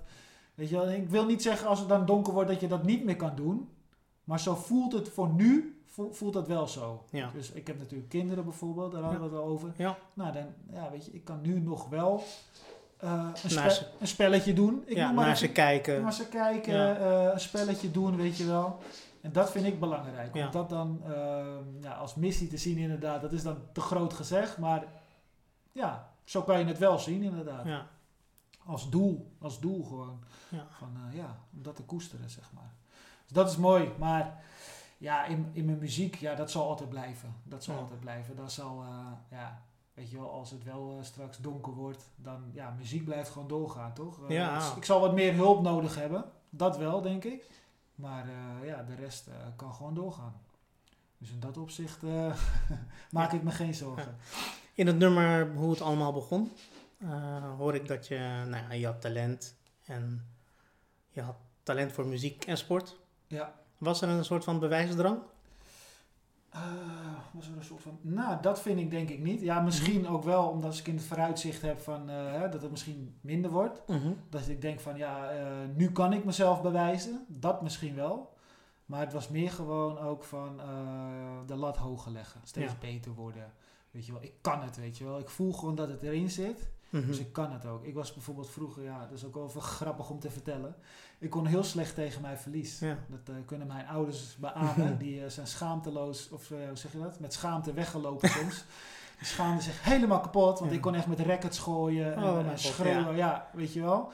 Maar dat zal ook wel te maken hebben gehad met mijn ogen. Dat ik een soort frustratie dingetje had. Maar ook, ik kon zo slecht. Ik wou gewoon beter worden, weet je wel. Als het dan niet ging zoals ik het wilde dat het ging. Ja, dan werd ik boos. Ja. Ja, zo eentje was ik er. Hè. Dus dat had ik met voetbal minder, omdat je in een team speelt. Maar met een individuele sport heb je dat natuurlijk sneller, want dan, dan komt het op jezelf aan. Ja. Dus eh, ja, in dat opzicht had ik wel een soort bewijsdrang van tegen, tegenover mezelf, zeg maar. Van kom op, weet je wel, het, het kan, het zit erin. Ja. Maar ik, ik wilde te snel waarschijnlijk. Want ja, ik zat natuurlijk te hikken tegen eh, van nou ja, straks eh, zie ik het helemaal niet meer. Dus nu moet het, nu moet ik vlammen. Ja. Dus ja, Ik, ehm, ik, in jouw teksten zijn eh, drank en verboden of verdovende middelen ja, wel enige ingrediënten van jouw teksten. klopt, Dat waren waarschijnlijk ook wel ingrediënten van je leven. klopt. Was dat om een, een pijn te verdoven? Ook, ja, ik denk een combinatie. Ik Mhm. denk een combinatie van het milieu waar je mee opgroeit. Dus de vrienden om je heen, eh, weet je, ja, sowieso gewoon ook het straatleven. Ik wil niet zeggen dat ik van de straat kom, maar ik was daar heel vaak. Zo zeg ik het altijd, weet je Ja. wel. En ik kwam wel uit een dorp, maar eh, ja, er was echt veel jeugd eh, op, de, op, de, op de been daar al altijd. Dus ik moet zeggen dat ik daar een beetje inrolde. Zeg maar, kijk, Ja. drank, weet je, dat is natuurlijk wat meer... eh, hè, dat, Socially accepted? ja, dat, nou ja, ik denk dat mensen dat makkelijk pakken, zeg maar. Gewoon Mhm. biertje drinken, Ja. flesje erbij. Maar wiet roken, of ja, softdrugs, dat ja, was toen de tijd op zich ook wel een ding wat veel gedaan werd. Maar dat is toch een andere stap weer, weet je wel. Ja. Maar dat was denk ik wat meer inderdaad, ja, de pijnverdoving altijd wel heel drastisch hoor. Want ik vond het ook echt lekker. Maar Mhm. het was wel inderdaad om een soort, ja, ja, dat scherpe randje er altijd af te halen, weet je wel. Gewoon even niet denken aan, aan mijn ogen, weet je wel. Even niet denken aan de toekomst. Even gewoon rustig, weet je Ja. wel. Gewoon lekker bezig zijn met mijn hobby, met muziek. Het versterkt natuurlijk je geest. Ja. Dus dan, ja, als je dan een tekst schrijft, dan zit je er helemaal in. Eh, muziek komt veel lekkerder binnen. Dus dat, dat was het ook. Dus weer die combinatie, Ja. zeg maar. En van me goed voelen en een beetje dat, dat scherpe randje van, van het, het leven. Het harde Ja. leven gewoon wat op de, op de, op de op, oppervlakte, zeg maar, te houden. Ik eh, hoorde dat je ja, heel vaak hebt geprobeerd om te werken en vaak ook daar bent afgewezen. Klopt. Ehm, toch nog wel negatieve gevolgen van je visuele beperking. Mhm. Ja, klopt. Heeft dat een negatieve invloed gehad op, nou ja, op je leven? Ehm, in eerste instantie wel, ja. Ik heb echt heel vaak gedacht van, eh, ja, waarom eh, word ik daarop afgerekend? Mhm. En eh, waarom durven jullie het niet aan met mij, zeg maar? Ligt dat aan mijzelf? Want dat heb ik ook nog heel vaak gedacht. Ben ik dan zo, Mhm. hoe zeg je dat? Ben ik dan zo ontoegankelijk voor mensen? En toen dacht ik bij mezelf, nou weet je, ik ga het nog één keer proberen. Dat heb ik toen ook geprobeerd via een reïntegratiebureau, zeg maar. En ik zal geen namen noemen, maar... eh, ja, Bureau halt. ja, nee, halt. nee, nee, geen bureau. Nee, nee, nee, nee, dat niet. Nee, je snapt wat ik bedoel. Ja. eh, Zo'n zo'n bureau die je helpt Ja. om weer terug in de maatschappij te Klopt. keren. Had ik niet nodig, maar ik dacht misschien is dit wel de stap die ik toch nodig heb om, om serieus genomen te worden, Ja. zeg maar, weet je wel. Want ik had altijd het idee van, ja, weet je wel, eh, slechte ogen, ja, joh, ze niet zo te zeuren, weet je wel. Ik dacht, reïntegratiebureau, dan wordt er toch een soort label opgeplakt van deze jongen heeft het echt nodig. Snap je? Ja. Dus eh, nou, en dat ging eigenlijk goed. Ik werd wel weer redelijk aan mijn lot overgelaten. Zo van, nou, je moet het ook een beetje zelf doen. Nou, dat snapte ik dan niet helemaal. Ik dacht van, nou, hè, zo'n bureau krijgt toch aardig wat eh, onderst- ondersteuning vanuit de overheid Ja. om, om jou te helpen. Maar goed. Nou, uiteindelijk puntje bij het paaltje weer die, weer die deksel gewoon op mijn neus, zeg maar. Bij meerdere bedrijven weer ook. Ondanks dat ik, het, eh, dat ik er echt positief in stond. Ja, en toen, eh, ja, dat, dat gaf mij echt een negatieve lading over, eh, over, het, over mijn toekomst Ja. in, met, een, met een baan, zeg maar. Ik dacht, ja, wat is dit nou, weet je wel? Willen ze me gewoon niet hebben? Ben ik gewoon echt zo, Ja. zo'n namannetje? Of, of heeft dat gewoon te maken dat ze het niet aandurven? Ja. en toen werd er toch wel wat meer om me heen verteld dat ze het niet aandurfden. Zeg maar van, ja, je hebt een progressieve oogziekte en eh, hoe gaat dat straks? En, eh, ja, Heb je daardoor ook een beetje een soort van afkeer gekregen tegen autoriteit? Ehm, ja, dat denk ik wel. Ik denk dat het zeker een grote rol heeft gespeeld inderdaad. Ja, ja ik denk, eh, weet je, ik, ik ben op zich wel, ik heb er wel eens een discussie met iemand gehad, ben jij een volger of ben jij een leider, weet je wel? Mhm. Ja, en ik moet eerlijk zeggen dat ik wel het liefst een volger ben. Niet van de stoet, maar gewoon, weet je wel, als iemand mij gewoon instrueert van jij doet dit en dit en dit, dat vind ik lekker, weet je Mhm. wel? Van, eh, ik, ik kan niet, overzicht is natuurlijk voor een, iemand met slechte ogen of blind, is lastig toch, overzicht. Dan word je liever zo van ga jij maar daar en doe jij maar dat, weet je wel. Nou, Dat had ik wel, maar toen inderdaad, als het gaat dan om werk inderdaad, dan had ik wel zoiets van, eh, ja, weet je wel, eh, het kan ook een naar, een naar Ja, iets zijn, weet ja. je wel. Van, eh, ja, hij kan ook keihard zeggen van, jou hoef ik niet. En dat begon ik een beetje, ja, dat begon ik wel vervelend te vinden inderdaad. Maar goed, eh, het, het weer hield me er niet van om eh, hè, door te gaan met het leven. toch, ja. Ja, en dan gewoon om weer een andere, andere route te kiezen, zeg Ja. maar. Ik denk, ja, weet je, als dit het niet is, dan moet je, ja, kom op, weet je wel. Kies dan een andere route Ja. en word gelukkig, weet je wel. Ga niet blijven hangen op, eh, op mensen die jou niet willen, maar ga verder met mensen die wel het positieve in jou Ja. zien. Dus zodoende heb ik dus eigenlijk toen echt een switch gemaakt in mijn leven, zeg Ja. maar. Oh, tof. Ja. Ik heb eh, ook in het nummer Als vanouds Mhm. zeg je dat eh, muziek een liefde is die je niet los zal laten. Mhm. Heb je het geprobeerd los te laten? Ehm, nee. Nee? Ik heb muziek eigenlijk nooit eh, losgelaten. Nee. Ik heb wel eens periodes gehad dat ik dacht van... Dit Eh, is het niet? Of ik nou, dit- besteed er minder aandacht Ja, aan? ja, ik heb wel gedacht natuurlijk van... Eh, dit, dit, dit gaat je geen... eh, hoe zeg je dat? Geen eh, hoge inkomsten geven. Dus weet je, waarom zou je er veel tijd en ook Mhm. geld in stoppen... Om, om er uiteindelijk niet eens beter van te worden, Ja. zeg maar. Maar toen bedacht ik me, ja... Weet je, het is wel iets wat je super gelukkig maakt. En je haalt er heel veel voldoening uit. Ik haal er heel veel voldoening uit. Eh, mensen waarderen het ook. Ik, ik krijg de laatste tijd ook gewoon heel veel feedback van andere blinde en slechtziende mensen die er echt gewoon, weet je, die het gewoon luisteren, weet je Ja. wel. Dat ik dacht echt van, ah, dat, dat ga ik nooit bereiken, weet je wel. Dat, eh, dat mensen echt op repeat dingen gaan zetten, Mhm. weet je wel. Ik denk, nee, dat, dat gaat niet gebeuren. Maar nu wel, weet je wel. Dat, dat, dat soort kleine berichtjes, dat prikkelt Ja. mij alweer gewoon om. Zie je nou, weet je wel, ga gewoon door. Dit is... Heel veel grote artiesten zeggen het ook meermaals. Weet Ja. je wel? Die zeggen gewoon van blijf bij jezelf, volg je droom. Het zijn allemaal open deuren die je intrapt, maar het zit altijd in mijn achterhoofd die uitspraken van die grote artiesten. Want die zeggen precies hoe ik erover denk. Ja. En bij mij gebeurt het dan niet, maar misschien wel, weet je wel. Waarom zou het niet kunnen gebeuren? Jij hebt ook verteld over jouw uiteindelijke droom, toch? Om bijvoorbeeld Stevie Wonder Ja, of, een Bocelli naar je toe te krijgen. ja. en je hebt, je hebt zijn nummer, toch? Ja, ja, ja, ja. Ja. Ik maak ook muziek met hem. Ja. Nee, nee, nee. Ja, maar nou, misschien zou het van mij ook.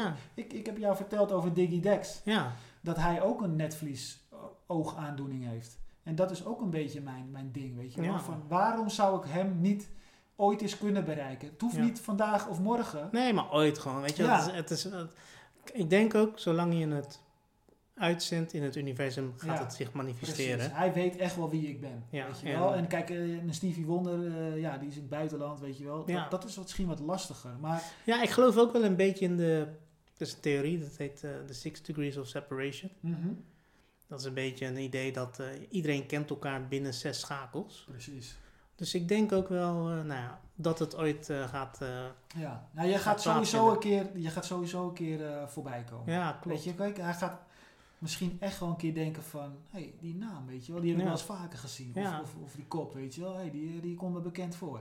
Nou, hij heeft me nog niet geblokkeerd op Facebook. Nee, ja, Want, ja, ja.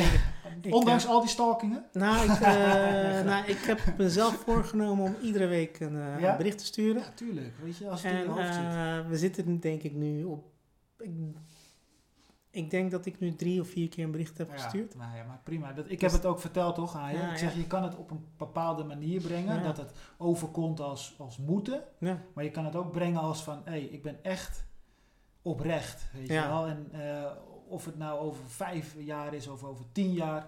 Of, nou, ooit gaat dit gewoon Ja, plaatsvinden. toch, snap je? En, en op welke manier dan ook. Ja. Misschien stuurt hij alleen een videoboodschap. Ja, weet je wel? dat- daar ben ik al blij mee. Snap je? Ja. Dus dat, dat is het doel wat jij in, in je hoofd hebt en wat ik in mijn hoofd heb. En wat wij willen bereiken. En dat al die grote artiesten zeggen dat. Zeggen, hou het hoog. Hou het, weet je, weet waarvoor je dit doet, weet je wel. En dat klinkt, ik heb altijd zoiets van, ja, makkelijk zeggen, hè, met die miljoenen op de bank, weet je wel. Volg je dromen, blijf jezelf en eh, doe wat je leuk vindt. Maar het is wel zo. Wat, dat is ook hoe ik erover denk. Dus waarom zou het mij dan niet gegeven zijn?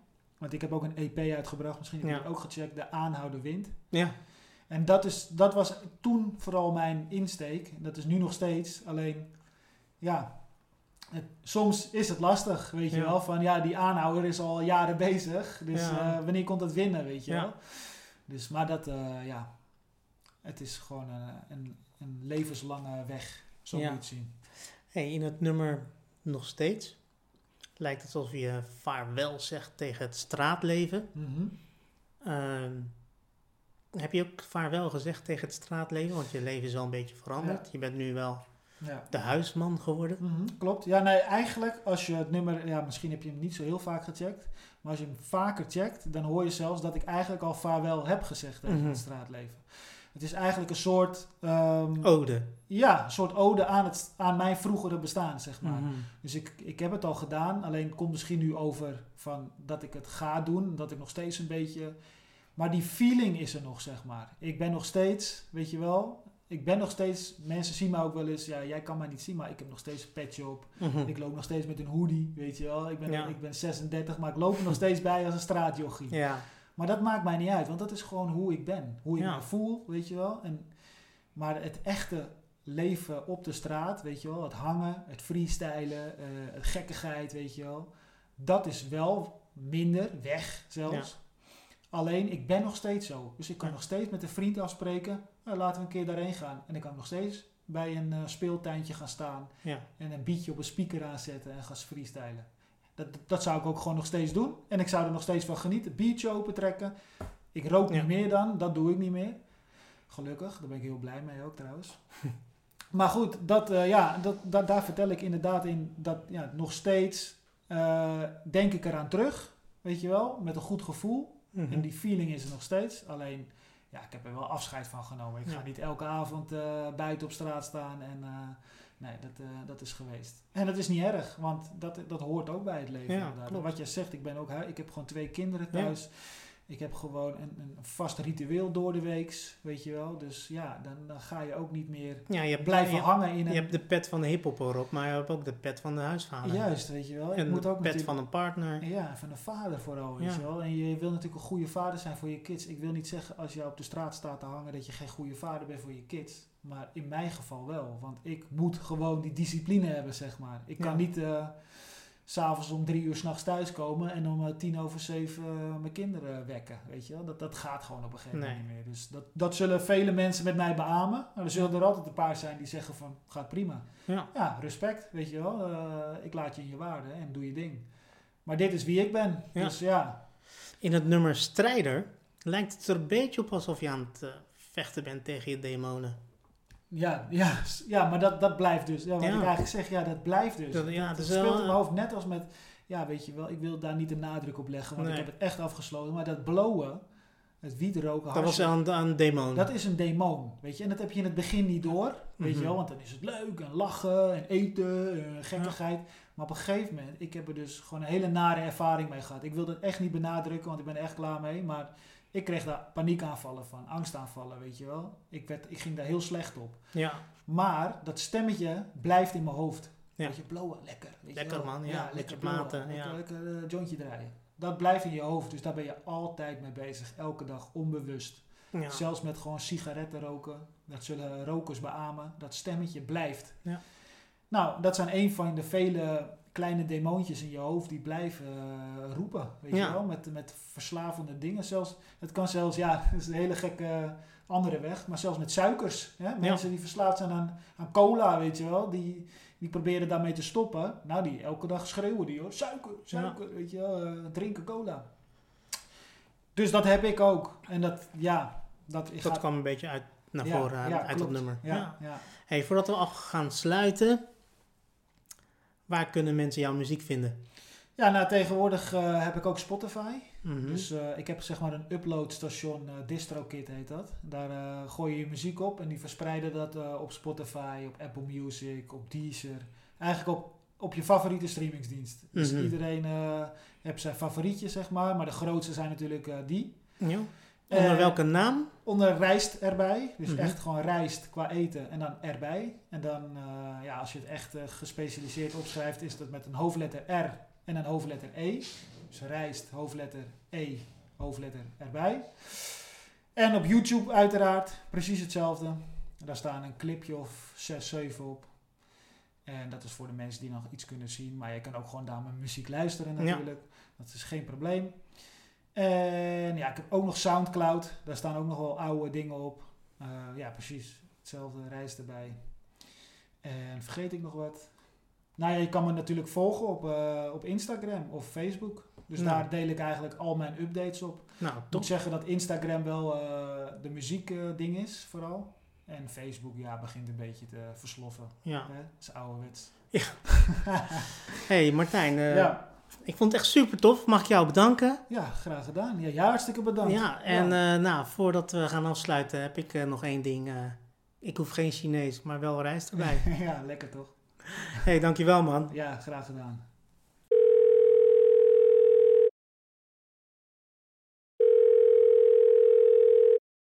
Jojo, met Martijn. Spreek wat in naar de piep en dan eh, bel ik je zo snel mogelijk terug. Hoi Martijn, vandaag was je bij mij op bezoek. Na het horen van jouw muziek was dat zeker op mijn verzoek.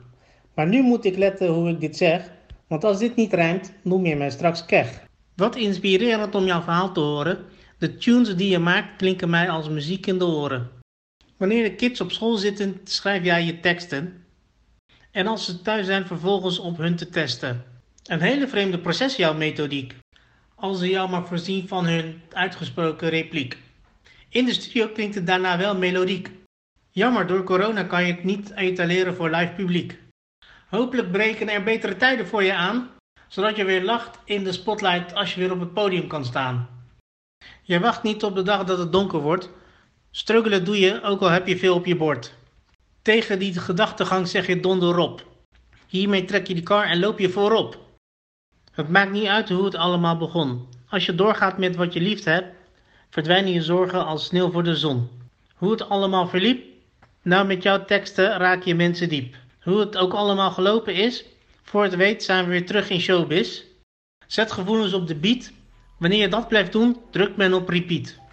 Beste Martijn, ik moet wel bekennen, het was een eer om jou te leren kennen. Warma Brassa, Robert. Wil jij op de hoogte blijven van de nieuwste afleveringen van Blind Vertrouwen podcast? Abonneer je dan via je favoriete podcastkanalen. Ook zijn wij te vinden op social media onder de naam Blind Vertrouwen podcast. Bedankt voor het luisteren en tot de volgende aflevering.